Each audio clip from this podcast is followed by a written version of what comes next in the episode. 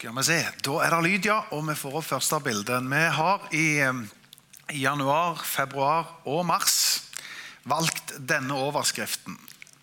Viktige vaner og hellige handlinger. Og de som eh, har vært til stede eller husker godt, de vet at vi i januar snakket særlig mye om bønn, faste og innvielse. Mens vi i februar hadde mer fokus på personlig tid med Gud, tilbedelse, nattverd, dåp og misjon. Og Så har vi kommet til mars måned, og der står overskriften Bibelen. Når vi har denne overskriften her, viktige vaner og hellige handlinger, så kan du liksom ikke komme utenom Bibelen. Det er de hellige skrifter, det er den hellige boka, og det er en god vane å regelmessig lese i den. og åpne den og studere den. Og I mars måned så pleier vi å ha ei bok i Bibelen vi helt spesifikt går inn i. og Da har allerede møteleder her røpt at vi i, eh, i mars skal ta for oss Efeserbrevet. Og Det betyr at vi skal gå gjennom kapittel for kapittel og omtrent vers for vers. Vi skal lese oss igjennom, og det kan du gjøre selvfølgelig på hjemmebane og i husgruppa di. og med å komme her på søndagene. Så det er noe vi gleder oss til. Efeserbrevet har vært for meg en, en slags favorittbok i mange mange år. Fordi at eh, det var denne boka som gjorde at eh, når jeg var nyfrelst, ny i troen, og fikk undervisning i den, så var det såpass mange aha-opplevelser som kom for meg, at det ble ei bok som jeg studerte og leste og pugga og memorerte. Og når jeg senere ble lærer på bibelskole, så var det den boka bok jeg hadde aller mest lyst i å undervise i sjøl. Det fikk jeg lov å gjøre i en del år.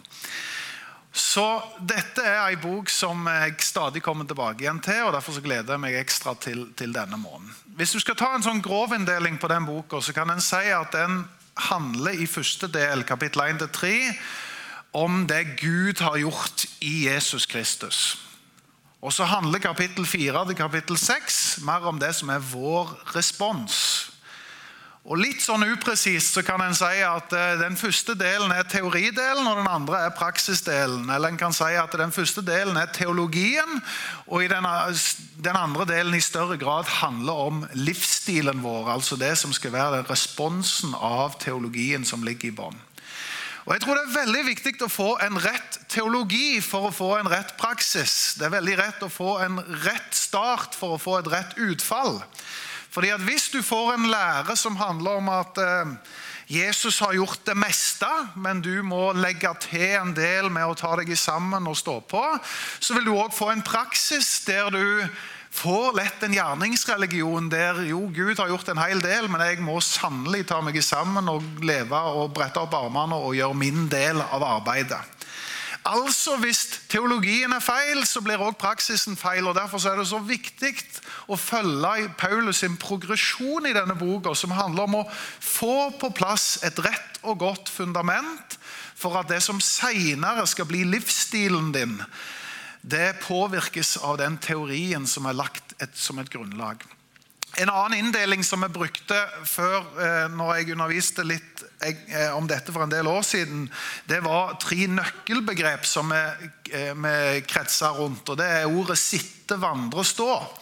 Og dette, egentlig, dette, brevet har egentlig en progresjon som en også kan kalle 'sitte, vandre, stå'. Sitte det handler om noe så uanstrengt som å bare lene seg med all sin tyngde sånn som du gjør nå der du sitter, og det er ganske lite stressende. Du kan bare sitte og ta imot. Det er ikke veldig krevende å sitte. Men det er veldig viktig å innta sin kristne sitteposisjon, som handler om å ta imot det Gud har gjort for deg, for at du skal være i stand til å stå, og for at du skal være i stand til å vandre på en måte som Gud har behag i. Derfor ordet 'sitte', 'vandre', 'stå'. og Den progresjonen skal vi sikkert komme litt tilbake igjen til i Efeserbrevet. Planen er å lese gjennom hele kapittelet, men jeg har lyst til å stoppe litt ekstra før vi liksom tar progresjonen tar vers for vers. Jeg har lyst til å starte litt i, i kapittel 1, vers 9 og 10. Det er spesielt kapittel 1 vi skal holde oss i i dag. Og det er fordi at Her har du på en måte den gule kremen i eh, skolebolla. Det er rett på sak av godstoff. Og her finner du essensen av det Paulus er ute etter å formidle. Så spiss ørene når jeg leser og sier Han kunngjorde oss sin viljes hemmelighet, den frie beslutning han hadde fattet om å fullføre sin frelsesplan når tiden var inne. Og Da er spørsmålet hva slags frelsesplan er dette? Jo, det er å sammenfatte alt i Kristus, alt som er i himmelen og på jorda. Her er det litt forskjellige oversettelser. Noen ganger så står det han skulle samle alt i Kristus, eller han skulle sammenfatte alt i Kristus. Altså Her står det at Gud har tatt en beslutning om å ha en frelsesplan for mennesket. Og den går ut på å sammenfatte alt i Kristus. Altså Han lager en slags konklusjon. Og så konkluderer han med at i Kristus så får du det du trenger. Han skulle samle alt i Kristus. Det betyr at vi som kristen menighet og som kristne driver på å samle, for det er det Gud er opptatt av. Gud er en samler. Og Gud samler ikke på frimerket, men han samler på mennesket. Gud samler på mennesket, for så høyt har Gud elsket verden at han ga sitt liv for hver og en av oss. Så han har ifra tidenes morgen vært opptatt av å samle mennesker. Og Derfor så driver vi med forsamling. Med en samling av mennesker. Derfor så betyr menighet det er de utkalte som kalles sammen. Altså Det er sammenkallingen av de som er kalt av Gud. Det betyr at hver gang vi samles, i smågrupper som Maria nevner, eller i større fellesskap som denne søndagen her, så driver vi på med noe som Gud har behag i, fordi at Gud driver og samler mennesker med Jesus Kristus i sentrum.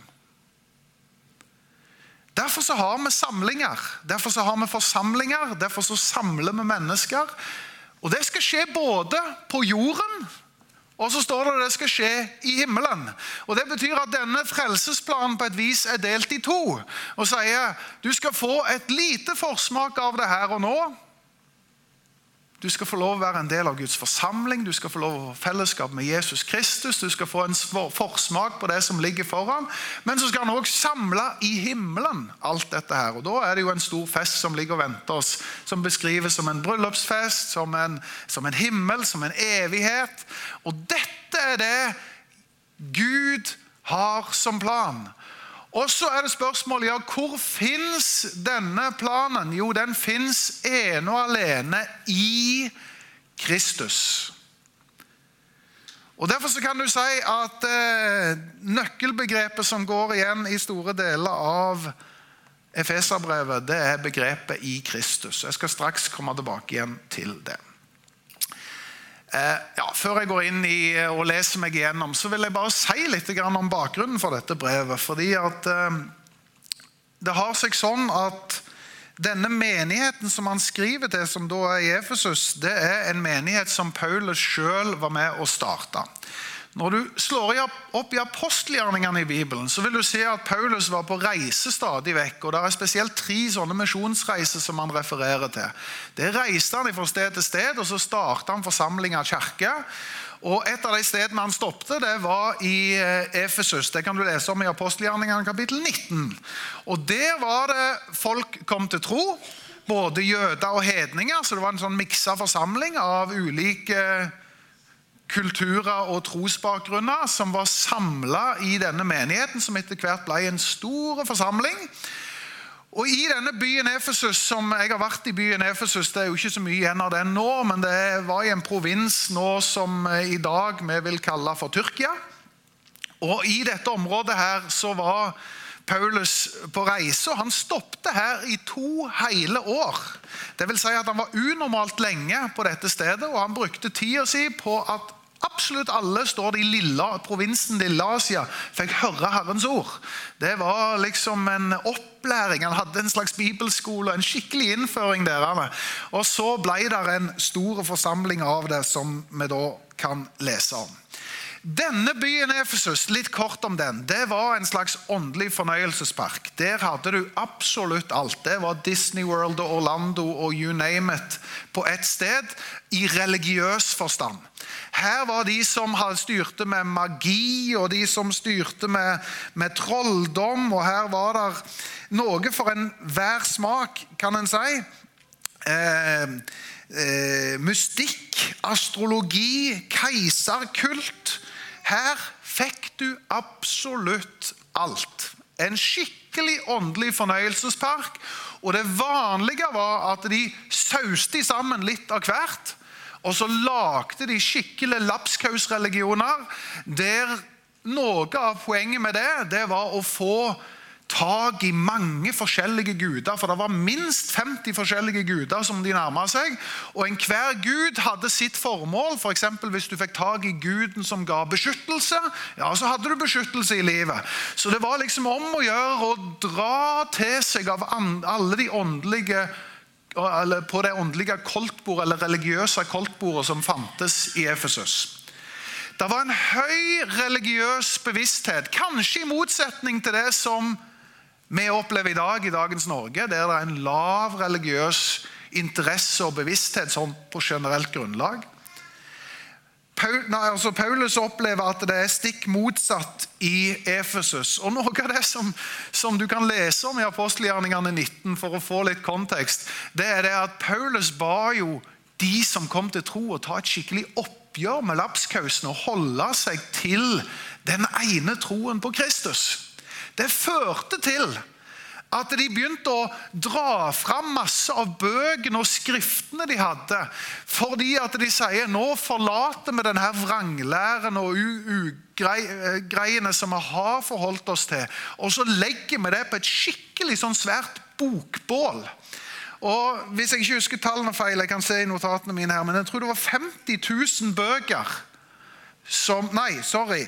Det var Verdien av 50 000 sølvmynter var beregningen av det sankthansbålet de lagde. Og Hvis du da overfører det til dagens kroneverdi, så kan du si at rundt 250 millioner kroner la de på det sankthansbålet. Med, med forskjellige religiøse og mystiske og magiske skrifter. Og så sier de dette forlater vi for å holde oss til troen. Jeg vet ikke hvordan det blir det i eh, Hommersåk-sammenheng. Det var som om vi skulle ofre liksom 100 hus og leiligheter på Hommersåk og si nå brenner vi opp de verdiene av alt det, fordi at vi skal forlate et eller annet ugudelig og holde oss til det vi egentlig bør holde oss til. Skjønner dere hva som skjer? Det er rimelig dramatiske greier som skjer i Efesus. Og til denne menigheten så er det Paulus da senere skriver et brev fordi at uh, Dette er folk han er glad i og har vært der og kjenner og har vært med etablert. Og Så sitter han sjøl i et fangenskap i Rom. Og så skriver han dette brevet. Av og til med, når vi hører i dag, så er det sånn de har brev og besøksforbud. og Sånn var det ikke for Paulus. Han hadde ikke brev og besøksforbud. Han kunne tvert imot sitte og skrive brev mens han var i fengsel. og Så var det en kompis av han som heter Tykikus, som tok med seg brevet. og Så reiste han av gårde til gamlemenigheten til Efesus, og så overleverte han brevet. Tykikus var fra området som han skulle ut på en helgetur eller et eller annet, det aner jeg ikke, men eh, det var iallfall å ta bein og fatt fra Rom og ned til Tyrkia og levere signere dette brevet, som gikk primært til menigheten i Efesus, men også til litt andre menigheter i regionen der. Og Når de da får brevet, så er det sånn som det pleide å være på den tida. Det var det at de rullte ut skriftene, for det var jo en lang, store rull. Og så leste de fra start til mål. Ikke sånn som kanskje vi gjør. Vi henter fram ett vers, og så legger vi ut det verset, og så plukker vi inn litt andre vers, og så er det liksom ofte litt ut av sin sammenheng, men vi prøver så godt vi kan. Og Derfor så er det bra at vi fra tid til annen gjør sånn som Bibelen sier. Legg vind på opplesningen av Skriften, for det var sånn det var tenkt. Derfor så leser vi Bibelen fra perm til perm, fra bok til bok. og Derfor så bør vi av og til også, kanskje oftere, sånn på søndagene her, lese Skriften. og Det er det vi har planlagt å gjøre. Vi skal lese oss igjennom Efeserbrevet. Så da fester vi sikkerhetsbeltene og setter oss godt til rette på stolen, fordi at dette handler om vår åndelige sittestilling når vi nå skal lese kapittel 1. Som starter litt mykt, sånn som ofte Paulus gjør. Det vil si at det starter med en hilsen. Efeserbrevet har 23 vers, men de første to versene er en hilsen. og så står, står sånn som dette. Paulus, etter Guds vilje, Jesu Kristi apostel, hilser de hellige Efesus de som tror på Kristus Jesus. Nåde være med dere og fred fra Gud, vår Far og Herren Jesus Kristus. Du som har vært en del i type vanlig norske kirke, vil sikkert kjenne igjen den hilsenen, fordi den er en som går igjen både der og mange ganger i Paulus sine brev. Paulus pleier hilse, og jeg tror at når han hilser med nåde og fred, så er det for å si at kanskje det er noe av det viktigste vi kan tilby mennesket. Alle mennesker unner med å oppleve nåde og fred. Har du nåde og fred, så har du det grunnleggende greit som menneske. Og Paulus sier dette er mitt ypperste ønske for dere alle mann. Det er at dere skal få oppleve nåde og fred ifra Gud. Og Så går han i gang og egentlig begynner med en bønn. fordi at Her står det jo 'Lovet være Gud, vår Herre Jesu Kristi Far'. og Det er jo innledningen på en bønn. Og Normalt sett er det sånn at når vi begynner å be, ja, så fortsetter vi å be til vi er ferdige å be. Men Paulus blir så inspirert når han driver og skriver dette, at han ber bare i noen få ord og en liten setning. Og så hopper han rett over i forkynnelse. Det vil si at han forlater nesten bønnen, og så blir han så begeistra at han må begynne å dele av det som er på hjertet hans, og det som Gud har vist ham, og det han skal dele. Så vil han de neste tolv versene forlate hele bønnen i begeistring og så går han rett på teologien og rett på læren og rett på åpenbaringen han har. Og så begynner han å legge ut, og så skal vi se at om tolv vers igjen så hopper han inn på bønnen igjen. Så kommer han på en måte tilbake igjen på sporet. Så det er tydelig at her er Paulus ganske inspirert. Og så sier han sånn som dette.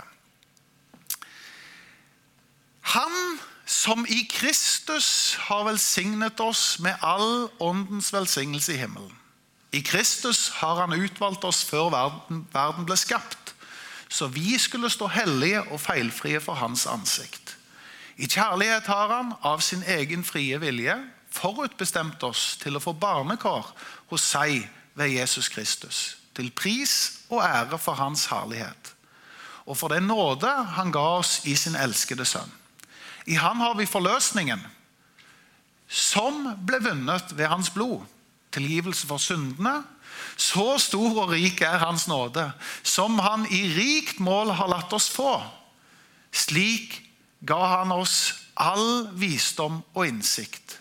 Da Han kunngjorde oss sin viljes hemmelighet, den frie beslutning Han hadde fattet om å fullføre, Guds, om å fullføre sin frelsesplan når tiden var inne, og sammenfatte alt i Kristus, alt i himmelen og på jorden. I han har også vi fått del i arven, vi som på forhånd var bestemt til det etter Guds forsett, han som gjennomfører alle ting etter sin plan og vilje. Slik skulle vi være til pris og ære for Hans herlighet, vi som alt nå har satt vårt håp til Kristus. I ham er også dere kommet til tro, da dere hørte sannhetens ord, evangeliet om deres frelse. I ham er dere blitt merket med et seil, Den hellige ånd som var lovt, som er pantet på vår arv inntil forløsningen kommer for Guds folk, til pris og ære for Hans herlighet. Som jeg så vidt nevnte før jeg eh, leste dette, så det et, er det et sentralt begrep som går igjen, både her og de første tre kapitlene i Efeserbrevet. Og Det er begrepet 'i Kristus', eller 'i ham'. Her fins det en håndfull ganger, men i løpet av de første tre kapitlene så finnes det 20 ganger. sånn cirka. Det vil si at det er et eller annet av spiker som Paulus vil slå inn, og som han vil vi skal fatte og forstå, som er begrepet 'i Kristus', eller 'i ham'. Og Kort fortalt så er det en slags pakkeløsning. Det er en slags all inclusive greie. Når du kjøper bil, så blir du ofte lurt, fordi at det slår opp at denne koster 400 000, og så kommer du der til butikken, og så, ja, så må du betale ekstra for det. Og så må du betale ekstra for det. Og så må du, hvis du skal ha litt finere felger, så må du ha det. Og skal du ha sånn og sånn, så må du ha det. Og så betaler vi dyre dommer, fordi at alt er jo ikke inkludert. Du får jo bare en grunnpakke som gjør at du kan rulle på veien. Her sier Paulus at det fins en pakkeløsning som du ikke kan liksom trekke noe fra eller legge noe til. Det er en all inclusive som heter i Kristus. I ham. Og den er noe som du ikke får som en fortjenestesmedalje. Ikke noe som du får fordi at du har tatt deg sammen, eller fordi du er spesielt religiøst anlagt, eller fordi at du passer så godt inn i kristne miljø. Men den får du bare fordi du setter deg godt til rette, åpner fanget og sier 'jeg tar imot'. Et av de begrepene som står vi har i ham, der, det står at vi har all åndelig velsignelse. Og Da er jo et eh, litt sånn retorisk enkelt spørsmål til forsamlingen her. Hvis jeg kommer her og tilbyr dere all åndelig velsignelse, så tenker jeg det er en god deal. Hvis du kan få tak i all åndelig velsignelse Tenk på det koldtbordet og den fornøyelsesparken Efeserbrevet satt foran av religiøsitet. De kunne velge og vrake. Alt som skulle gi fordel og velsignelse og pluss i livet. Og Så sier Paulus all åndelig velsignelse, alt som er tilgjengelig på matfatet, alt som er mulig å oppnå, det fins ett sted. Og hvor fins det? Det fins i Kristus. Det er en bra løsning. Og Så utbasunerer han dette og så forklarer han litt mer hva som ligger i all åndelig velsignelse? Jo, dere får del i troen. Dere får erfare dere som utvalgt. Dere får barnekår, altså dere får lov å kalles barn av Gud. Dere kan vite at dere er hellige og feilfrie for Gud.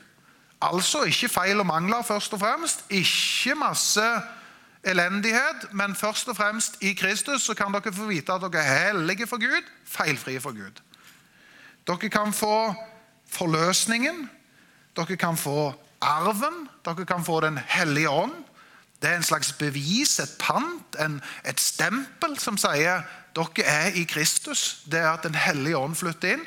Og alt dette rommer Kristus.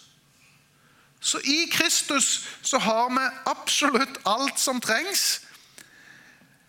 Det er å innta den kristne sitteposisjonen.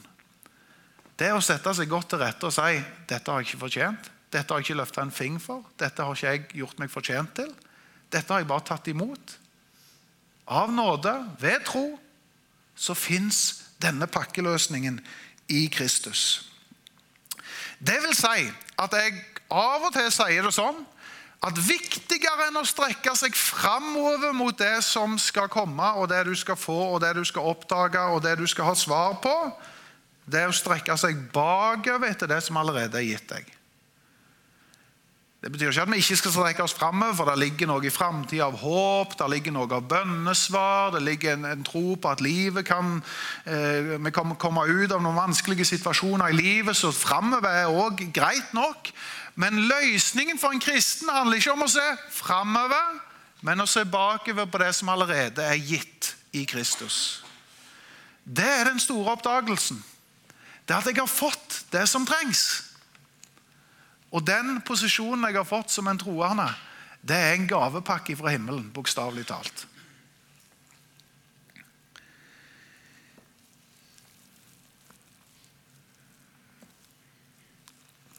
Her står det òg at dette hadde han forutbestemt. Dette var noe som han hadde planlagt. Dette var en del av Guds A-plan. Det var ikke en B-plan som plutselig var liksom sånn at A-planen gikk i varsken, og så tenkte Gud at ja, ja, da får jeg inkludere og de som er ikke-jøder, altså hedninger, nord nordmenn, svensker osv. Dette har vært Guds plan fra evighet av. Og at alt dette skulle sammenfattes i Kristus. Så leser vi videre fordi at Paulus han eh, kommer tilbake på bønnesporet. Han starta med bønnen, ble begeistra, tok en avsporing, ga oss en salig innføring i hva det vil si å være i Kristus. Og Så hopper han tilbake igjen på sporet i sin bønn, og så sier han derfor holder jeg ikke opp med å takke Gud for dere når jeg nevner dere i mine bønner. Og Så sier han at jeg har jo hørt om deres tro på Herren Jesus og deres kjærlighet til alle de hellige. Det er tydelig at ryktet har gått. Jeg var jo der for x antall år siden. Jeg var med og planta menigheten. Jeg var med og lærte dere opp i troen. Så reiste jeg videre og havna her i Rom i fangenskap. Men ryktene går, folkens. Ryktene går om den tro og den kjærligheten dere har til hverandre. Det er veldig kjekt å høre. God Gode rapporter er gode rapporter, sier Paulus. Jeg gir dere tommel opp. Dette er kjekt å høre om. Og så takker jeg Gud for dere.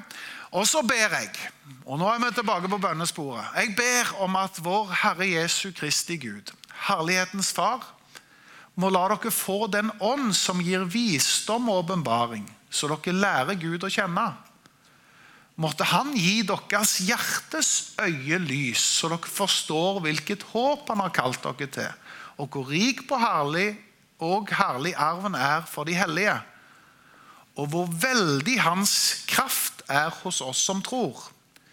Med denne veldige kraft og makt reiste han Kristus opp fra de døde og satte han ved sin høyre hånd i himmelen, over alle makter og myndigheter, over alt velde og herredømme, over alle navn som kan nevnes, ikke bare i denne verden, men også i den kommende. Alt la han under hans føtter, og han, hodet over alle ting, har han gitt til kirken, som er Kristi legeme, fulgt av Han som fyller alt i alle. Her ber altså Paulus om at det jeg nett nettopp har fortalt dere i en 12-14 vers her, om denne pakkeløsningen som er i Kristus, om det dere har mottatt, om denne all inclusive-greiene.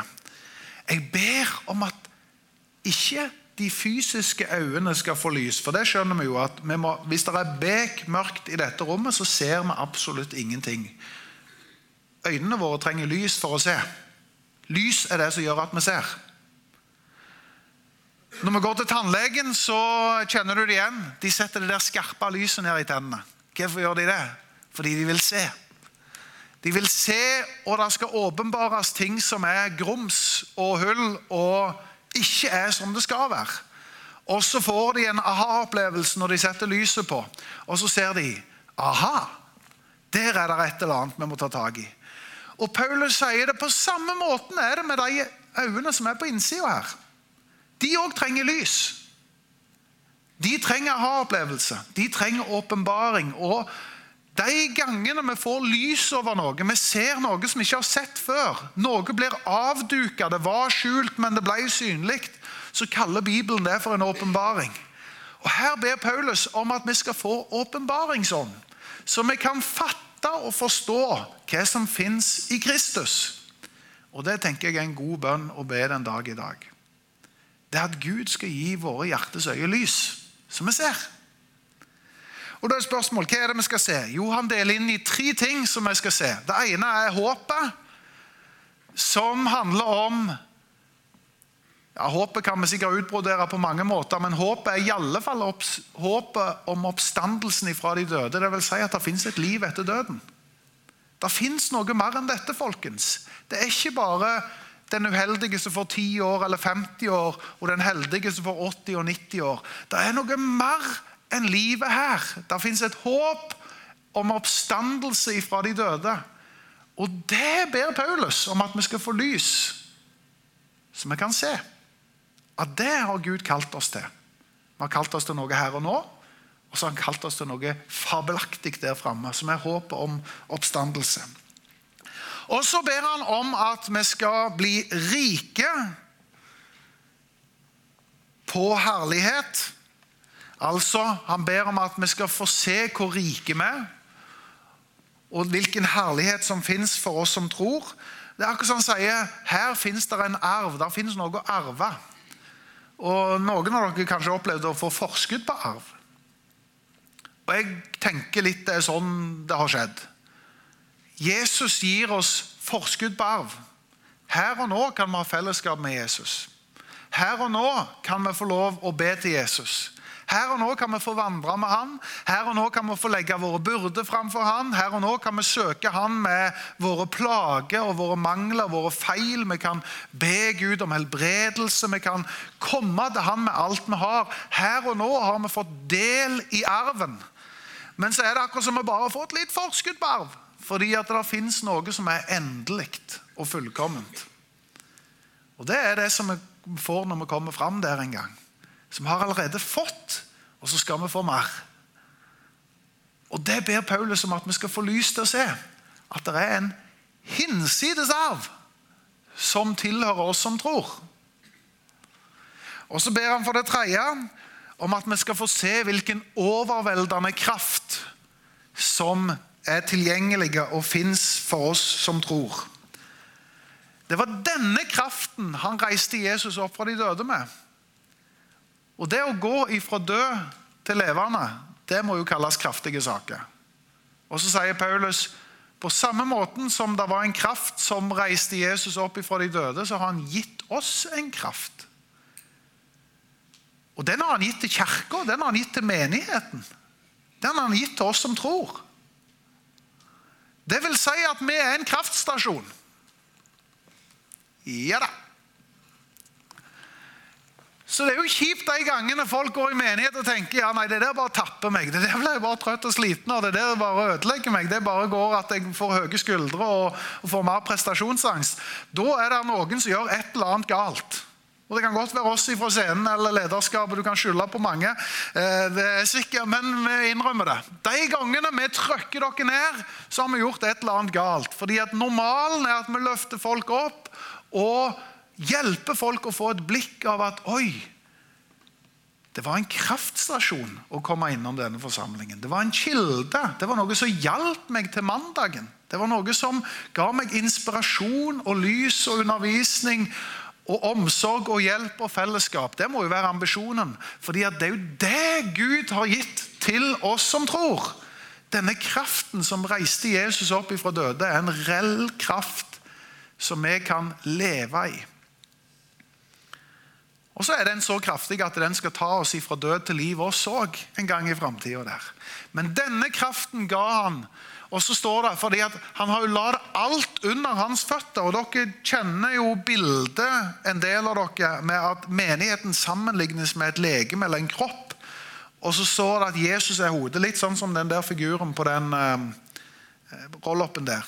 Der er jo illustrasjonen at Jesus er hodet, og så er resten under dere det er hans forsamling. Det vil si den lokale og den globale menigheten. Vil si oss som tror. Vi er armene og føttene til Jesus. Vi er, vi er holdt på å si hjertet. Vi er de som er med og formidler Jesus til omverdenen. Og så står det alt har han lagt under hans føtter. Hvem er det som er føttene? Det er oss som menighet. Vi er jo hans kropp. Det vil si at vi er på en måte satt til å forvalte og formidle og spre dette navnet Jesus som han avslutter med, det navnet som han sier, det som er over alle andre navn. Det som er over ja, nå står det her, det er over alle makt og myndigheter. Det er over alt velde og herredømme.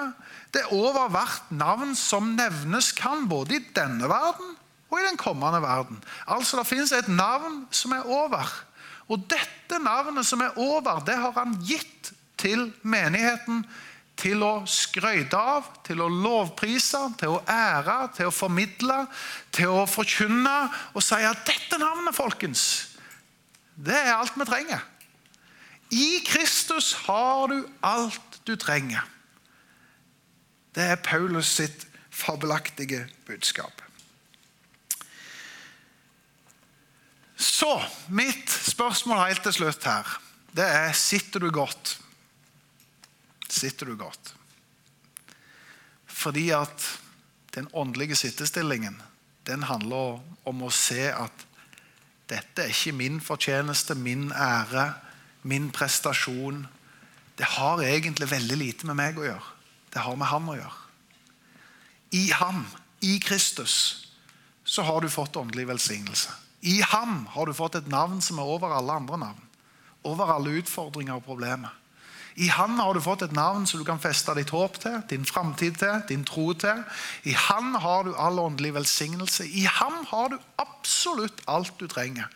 I Ham, i Kristus. Dette maler Paulus ut opp igjen og opp igjen. og Han sier det på mange forskjellige måter. Men han vil så gjerne at vi skal få lys til å se det. Aha, det er i Kristus. Gode Jesus, takk fordi at